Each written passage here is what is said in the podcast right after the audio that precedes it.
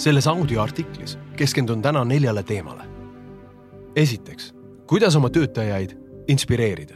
teiseks, müügiinimeste andekusest ja annetelt sobivate inimeste müügiedust. kolmandaks, miks ainult väike hulk inimesi on võimeline müügis järjepidevalt märkimisväärseid tulemusi saavutama. ja neljandaks, inspiratsioonikoolituste olulisusest müügitöös. head kuulamist olen müügiorganisatsioonidega koostööd teinud alates kahe tuhande viiendast aastast ja küsimus, mida müügijuhid küsisid eile ning küsivad ka täna ja homme, on, kuidas oma inimesi motiveerida. juba aastaid tunnen, et see ei ole tegelikult kõige tulusam küsimus, sest parimad müüjad ei vaja mitte motiveerimist, vaid inspiratsiooni. Nad on ise motiveeritud, sest kasutavad oma loomuomaseid andeid. mida ma silmas pean? Klassikaline müügijuhtimine rakendab kahte tüüpi motivatsiooni. esiteks hirmu ehk seda, millest ma võin ilma jääda. lühiajaliselt ääretult võimas motivaator. hirmuta inimest öeldes, et koondata või võtad maha märkimisväärse summa tema palgast ning võid lühiajaliselt saavutada selge muutuse tema käitumises. pikaaegselt kaotada ka hea inimese konkurendile või lood olukorra, kus hirmust tardunud müüjad ei suuda toime tulla kliendi vastuargumentidega ega julge võtta riske. teine võimalus. see, mida ma võiksin saada. kui hirm on ora, siis boonused, raha, soodustused, eritingimused, lisapuhkus ja muu selline on nagu porgandid. kuid ka see motivaator ei ole igavene. varem või hiljem muutub uus elustandard mugavustsooniks ning inimene ei näe põhjust ka suurema summa nimel pingutada kuid eksisteerib ka kolmas motivaator. see on areng. see, kes ma võin olla. areng on sisemise motivatsiooni alustala. see on sügav vajadus realiseerida ennast maksimaalsel võimalikul moel. kui inimese eesmärk on olla parim, parim müüja, parim isa, parim kuulitõukaja, parim pianist, parim armastaja, ei saa ta kunagi valmis. ta on alati arenemas ja seetõttu alati motiveeritud. samas ei ole inimene motiveeritud arenema kõiges, vaid ainult selles, milles tal on tõesti eeldused saada erakordselt heaks. ja eeldus saada absoluutselt parimaks on meil ainult selles, millele meil on annet. sel põhjusel on oma meeskonna loomuomaste annete ülesleidmine üks müügijuhi tulusamaid väljakutseid. sarnase järelduseni on jõutud ka maailma juhtivas uuringufirmas Gallup minu aasta kaks tuhat kaheksateist algas Gallupi juhtimisakadeemia läbimisega Manhattanil, New Yorgis. kursuse avakõnes rääkis tegevjuht Jim Clifton Gallupi uuringust kahesaja viiekümne tuhande müügiinimese seas saja seitsmekümnes müügiorganisatsioonis, mille käigus leiti, et kakskümmend viis protsenti kõige kõrgemat tulemust tegevatest müüjatest kasvatas igal aastal oma tulemusi keskmiselt viiskümmend seitse protsenti. samal ajal kui alumine veerand müüs reeglina uuel aastal vähem kui eelmisel. Gallupi analüütikute eesmärk oli teada saada, mis võis olla sellise erisuse põhjuseks. kogemus? ei. uuringusse ei kaasatud inimesi, kes oleksid praktiseerinud müügitööd konkreetses rollis vähem kui aasta. haridus? ei. Gallup leidis, et ka haridustaustal ei olnud müügitulemustele mitte mingisugust mõju. kuid millel siis oli? Põhjus, miks tippmüüjad olid tulemustelt aasta-aastalt kordades paremad, peitus ainult ühes asjas, müügiinimeste andekuses. tippmüüjate tulemused olid loomulik tagajärg teekonnal, mida kannustas nende soov realiseerida oma maksimumpotentsiaal. Gallup leidis, et annetelt sobivad inimesed müüsid enamasti neli ja pool korda rohkem kui nende loomuomaduste poolest vaesemad ametikaaslased. ja see statistika kehtis kõikides valdkondades. kusjuures paljud neist ei olnud lugenud ühtegi müügialast raamatut ega osalenud ühelgi koolitusel. Need müügiprofessionaalid olid sisemiselt motiveeritud, sest nägid, kuidas nad muutusid aasta-aastalt paremaks, luues samal ajal klientidega kasumlikke suhteid, mis teenisid pikaaegset tulu nii neile endile kui ka ettevõtetele, mille tooteid nad müüsid. mõnel on nii-öelda müümine veres. elas kord skorpion, kes soovis saada teisele poole jõge, kus toimusid tema õepulmad. sild, mida mööda loomad liikusid, oli aga viimase uputuse ajal sisse kukkunud ja kilomeetrite raadiuses polnud teada ühtki võimalust jõe ületamiseks. nõutult mööda kallast liikudes nägi skorpion kauguses peesitavat konna. sära silmi, täis lootust hüüdis skorpion. kulla konn, palun vii mind üle jõe. konn kargas püsti, võttis sisse kõige keerukama ninjakonna asendi ja hüüdis, et kas skorpion, kelle sabas on surmaastel, on hulluks läinud. ei, tema hakkas skorpionit parvetama, vara veel surra skorpion ütles, kallis konn, sind ei saa ma küll kuidagi rünnata, sest kui sina upud, siis lähen ju ka mina põhja. see lause tundus konna jaoks loogiline ning kuna konnal oli hea süda, siis tuli ta nüüd oma karatepoosist välja ja ütles, no hea küll, ma aitan sind. ja nõnda hakkaski pihta reis teisele poole kallast. konn ujus selili sellise graatsiaga, et silmal lust vaadata ja skorpion istus kõige õndsama olemisega tema kõhul ja korraga, täiesti ootamatult, nagu välk selgest taevast, sutsas skorpion konna otse südamesse. mürk valgus laiali igasse konna ihurakku ja tema keha tõmbus sekunditega krampi. surmaaagoonia süüdis konn. sa koletis, miks sa seda tegid? nüüd upume me ju mõlemad. ja selle peale ei osanud ka ise totaalses paanikas olev skorpion öelda midagi muud kui ma ei saanud sinna midagi parata tapmine on minu loomuses. Mis on müügitöö sinu jaoks? surm või elu? ma ei mõtle filosoofilisel tasandil, puhttegevuse mõttes. kas see on niisugune ekstreemsport, kus sa kardad haiget saada ja saadki? või ekstreemsport, kust sa saad adrenaliinilaksu ja tunned end õhtul koju jõudes täidetuna? või on selles töös osad tegevused mis sind täidavad ja teised, mis röövivad jõu. Võib-olla sulle meeldib helistada oma parimale kliendile ja uurida, kuidas tal läheb.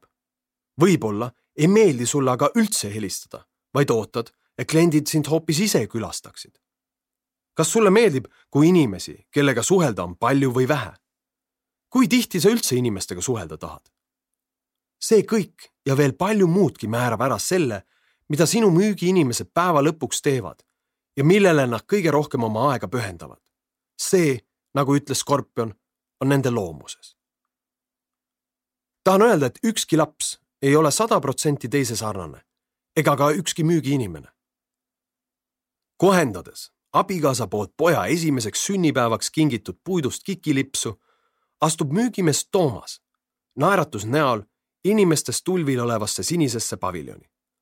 koos Toomasega sisenevad sinna päeva jooksul veel sadade organisatsioonide müügiesindajad, kellest paljud seisavad kohmetult, visiitkaart näpus, seinte ääres. kuid Toomas täidab sõnuseletamatu elevus. naine kinkis talle selle lipsu, sest ta teab, et Tom, nagu sõbrad teda kutsuvad, elab selleks, et suhelda. mõte sellest, et kolme tunni jooksul on tal võimalik luua nelikümmend täiesti uut kontakti, mis võivad kõik muutuda müügiks, annab Toomasele jõudu ja tekitab vastupandamatu soovi tegutseda nüüd ja kohe. Intuitiivselt liigub ta tervitav käsi vastu kõndiva naisterahva poole ja minut hiljem on nad mõlemad haaratud vestlusesse. õhtul metsasörki tehes tunneb Toomas aga veelgi suuremat rõõmu ja mitte ainult tema, vaid ka eelmainitud naisterahvas ning veel viiskümmend uut inimest, kellega Toomas lõi sisuka kontakti kõigest mõne tunni jooksul. kuidas oleksid selle õhtu kontekstis tundnud ja käitunud sina? Kas see oleks motiveerinud sind saama inimesena oma parimaks versiooniks või suudaksid sellises kontekstis tegutseda ainult siis, kui motivaatoriks on hirm ja võimalused? sama päeva hommikul kella üheksa ja kümne vahel helistas maineka tootmisettevõtte tippmüüjale Laurale tema värskeim klient, kellega kontakti loomine nõudis Lauralt hoolikat planeerimist, materjalide tutvustamist ja korduvaid kliendikohtumisi ligi aasta. Laura lubas, et tagab, et koostöös tema ettevõttega on klient võitja juba esimesest päevast. aga tol hommikul ei tunne Laura klient end sugugi võitjana, vaid hoopis nagu hale kaotaja. iga minut efektse tootega toodab küll minimaalset, kuid ajas kasvavat kahjumit. Laura isiklikult ei olnud midagi valesti teinud. eksimus toimus toote laost väljastamisel. klient, kes on Lauraga suhelnud esimesest kontaktist peale, tunneb nii pahameelt kui ka ebamugavust, sest oma südames ta ju ei soovi kahjustada positiivset suhet, mis on kõikide nende läbirääkimiste jooksul välja kujunenud. Laura on aga rahulik ja tema mõte on selgem kui kunagi varem. ta teab täpselt, mida öelda ja mida on vaja teha, et tavaolukord laheneks nii, et usaldus mitte ainult ei taastuks, vaid muutuks veelgi tugevamaks. ta ei ole kunagi kedagi alt vedanud ega vea ka sel korral. Laura armastab probleemide pööramist võitudeks ja takistused panevad teda oma tööd veelgi rohkem armastama. iga ületatud takistus on Laura sisemiseks motivaatoriks olla järjest rohkem see inimene, kelle produktiivsust ükski probleem ei kõiguta. see, mis mõjuks mõnele teisele hävitavalt, muudab Laura ainult tugevamaks. müügis ei ole ühte õiget viisi, kuidas asju teha. lihtsalt erinevad inimesed kasutavad väga erinevaid loomuomaseid andeid, mille läbi nad eduni jõuavad. Laura ei õppinud saama motivatsiooni väljakutsetest. see omadus on tal veres. samuti ei ole Toomas õppinud saama motivatsiooni, olles aktiivne network'ija. ta sündis sellisena. kui inimene töötab oma loomuomaste annetega, siis kogeb ta pidevat sisemist motiveeritust, sest muutudes milleski järjest paremaks, nagu Laura probleeme lahendades ja Toomas kontakte luues, kogeme nähtust, mille maailmakuulus Poola psühholoog Mihai Csikszentmihalyi nimetab flow seisundiks, eesti keeles voo seisund. Flow hetke kogeb inimene siis, kui ta on täielikult süvenenud tegevusse tegevuse enda pärast. aeg lendab märkamatu hooga. just nagu džässmuusikas järgneb iga mõte, liigutus ja tegu eelmisele sujuvalt, ilma et seda peaks analüüsima või planeerima. kogu inimese olemus on kaasatud. kõik tema omandatud oskused ja loomupärased anded on täiuslikult harmooniliselt rakendatud. ta on selgelt motiveeritud. seega, et müügi juhtimine ei sõltuks ainult hirmust ja ahvatlustest, tuleb kaasata mängu inimese loomuomased anded. selleks aga tuleb esmalt ületada vähemalt kaks kultuurilist müüti. esimene müüt. Kõik inimesed saavad õppida müüma. tõde on see, et nagu Gallupi uuringus selgus, siis on ainult väga väike hulk inimesi võimeline müügis järjepidevalt märkimisväärseid tulemusi saavutama. Need indiviidid omavad spetsiifilist kombinatsiooni loomuomasest andest, oskustest, teadmistest ja varasemast kogemusest. olen müügiorganisatsioonidega tööd teinud juba varsti kakskümmend aastat ja võin kinnitada, et loomuliku ande alahindamine müügitöös on üks suurimaid takistusi tulemuste saavutamisel. andekus on väljend, mida enamasti seostatakse tippspordi, viiulimängu või näitleja meisterlikkusega. reaalsuses on aga mingit laadi andekus loomulik osa absoluutselt iga inimese sünniga kaasnevast tehase seadistusest. lihtsalt inimesed on andekad täiesti erinevates tegevustes. Mõne jaoks on selleks müügi juhtimine, mõne jaoks paraku mitte. müüt kaks. eksisteerib nii-öelda strateegia, nipp, tehnika, saladus, äpp või muu selline, mis toob kindlat müügiedu. olgu tegemist siis spinni, nõuandliku, eristuva, konsulteeriva, close iva või mis iganes muu tehnikaga, reaalsuses ei eksisteeri ühtegi tehnikat ega mudelit, mis garanteeriks müügitulemuste kasvu. vahet ei ole, mida müügimees laval või koolitaja kodulehel räägib. vaata, mida tegin mina. tee järgi ja saavutad edu. võib kõlada küll ahvatlevana, kuid tegelikkuses töötab see miski just selle inimese jaoks mitte ükski teine inimene ei oma täpselt samasugust välimust, karismat, hääletooni, agressiivsuse ja empaatia tasakaalu, oskuseid ega ka aastatepikkust praktikat väga spetsiifilises müügikeskkonnas. ma uskusin ka ise aastaid, et tippu jõudmiseks piisab teadmistest ja töökusest.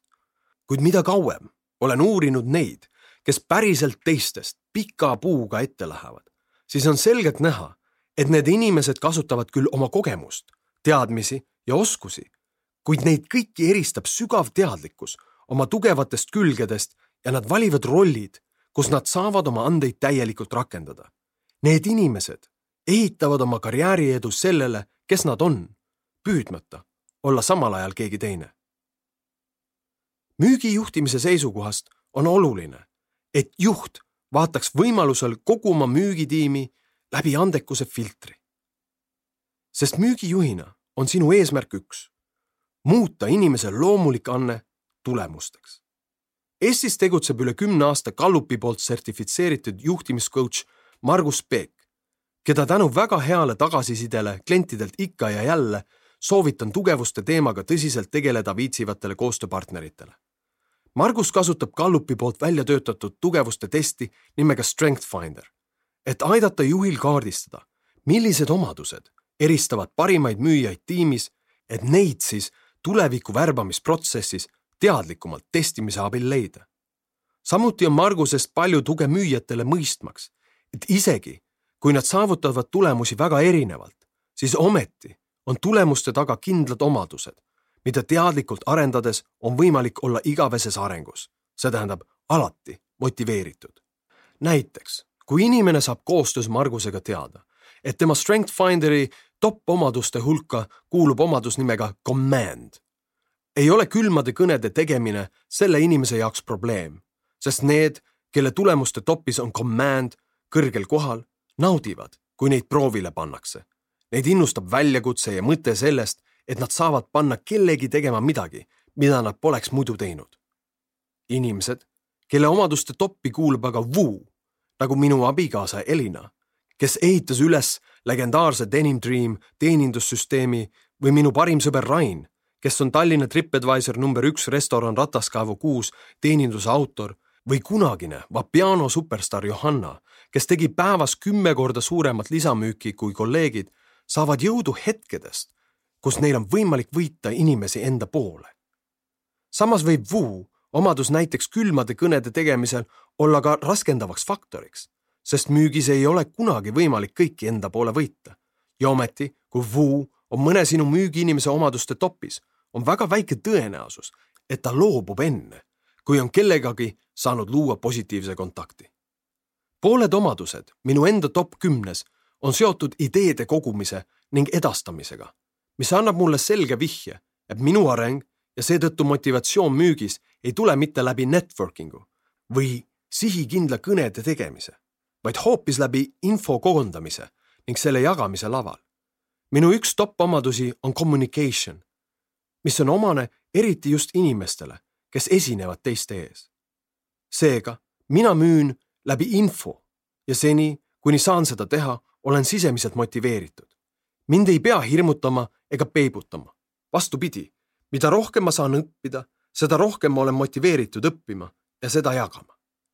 milliseid inimesi vajab sinu organisatsioon, et tulemusi teha? milliste omadustega? kui juht seda ei tea, kuidas saab ta üldse intelligentselt inimesi tööle võtta? järelikult tuleb värvata kõhutunde ehk ehku peale, lootes seejuures muidugi parimat ja vahel ju joppabki.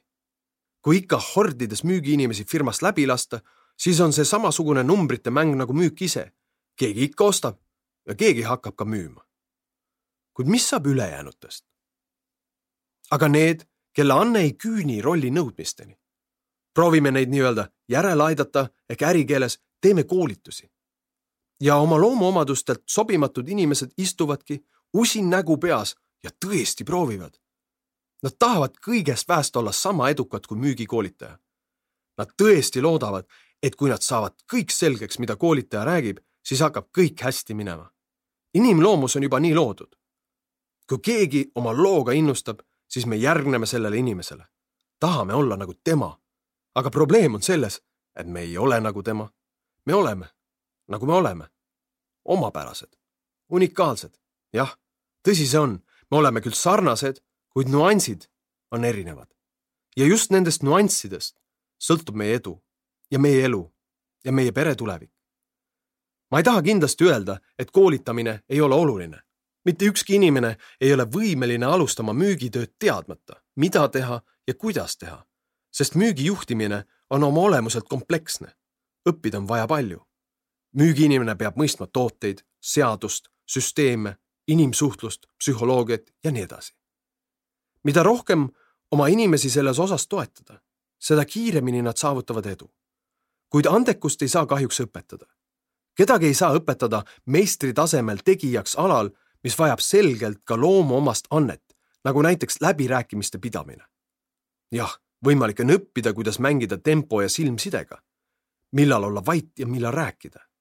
kuid ei ole võimalik õppida olema kartmatu küsimaks kliendilt premium hinda ja piisavalt enesekindel näitamaks, et oled valmis kohtumiselt ka sirge seljaga ära kõndima, et suruda ostjat kiiremini otsustama. sellest, kuidas oma müügiinimesi läbi annete juhtida, on kirjutatud ka suurepärane raamat nimega Täiuslik müügijõud. Ande kasutamine loob motivatsiooni, kuid ande kasutamiseks peab olema omakorda motiveeritud. ma kordan seda ühe korra veel. ande kasutamine loob motivatsiooni, kuid ande kasutamiseks peab olema omakorda juba motiveeritud.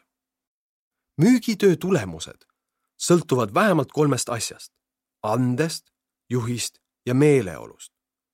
Minu koolituste mõte on olnud algusest peale see, et inimesed saaksid rahu ja kindluse, et just see töö, mida nad hetkel teevad, saab olla alguspunkt kõigele, mis on neile elus tõesti tähtis kui inimene ei usu endasse, oma ameti väärikusse või organisatsiooni, siis ei hakka ta pingutama, isegi kui tal on annet.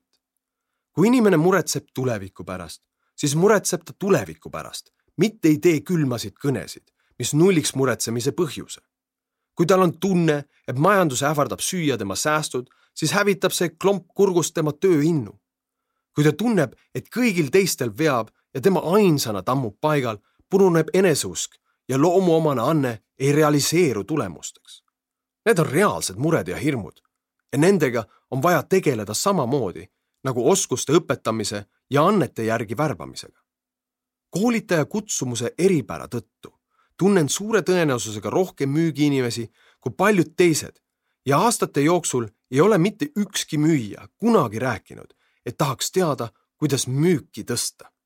küll aga huvitab inimesi alati, kuidas oma võlad ära maksta, kuidas oma perega mööda maailma ringi reisida, kuidas elada oma unistuste elu. müük on neile vaid vahend. seetõttu soovitan panna müügiinimese lauale kümme raamatut, millest kaks rääkigu müümisest ja kaheksa puudutagu elamise kunsti laiemalt. seega, sa ei saa oma tippmüüjaid motiveerida, saates neid koolitusele ettekäändega, et nad õpivad seal mõne nipi, kuidas rohkem müüa. sest nad ei taha ju tegelikult rohkem müüa küll aga mõtlevad nad hommikust õhtuni, kuidas olla oma elus õnnelikum. tuleb välja, et inspiratsioonikoolitused võivad olla kuni kaheksakümmend kolm protsenti kasumlikumad kui klassikalised koolitused, mille teemaks on müügijuhtimine. hea enesetunde olulisust müügitöös kirjeldab tabavalt ka professor Adam Granti uurimus, kus vaadeldi ühe kõnekeskuse uutele töötajatele korraldatud müügikoolituse mõju. Grant jagas koolitusel osalejad nelja gruppi. esimene grupp osales standardsel müügioskusi õpetaval ettevõtte sisekoolitusel. teise grupi koolitust alustas motiveeriva kõnega ettevõtte tegevjuht. Kolmanda grupi juhatas sisse kogenud töötaja, rääkides uutele kolleegidele, miks on töö kõnekeskuses sedavõrd tähtis. ta keskendus sellele, miks nende panuse tulemusena tekkinud käive võimaldab maksta inimestele palka et nad saaksid toita oma peret ning aitab riigi majandusel kasvada. ta inspireeris.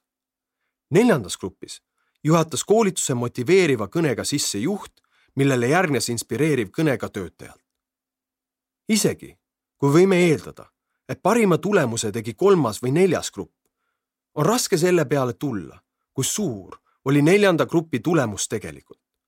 standardse müügikoolituse lõpuks tegi esimene grupp nelikümmend kuus müüki kogukäibega kolm tuhat seitsesada eurot. kui koolitus algas juhi motiveeriva kõnega, kasvasid numbrid hüppeliselt neljakümne kuuelt müügilt saja viiekümne ühe peale.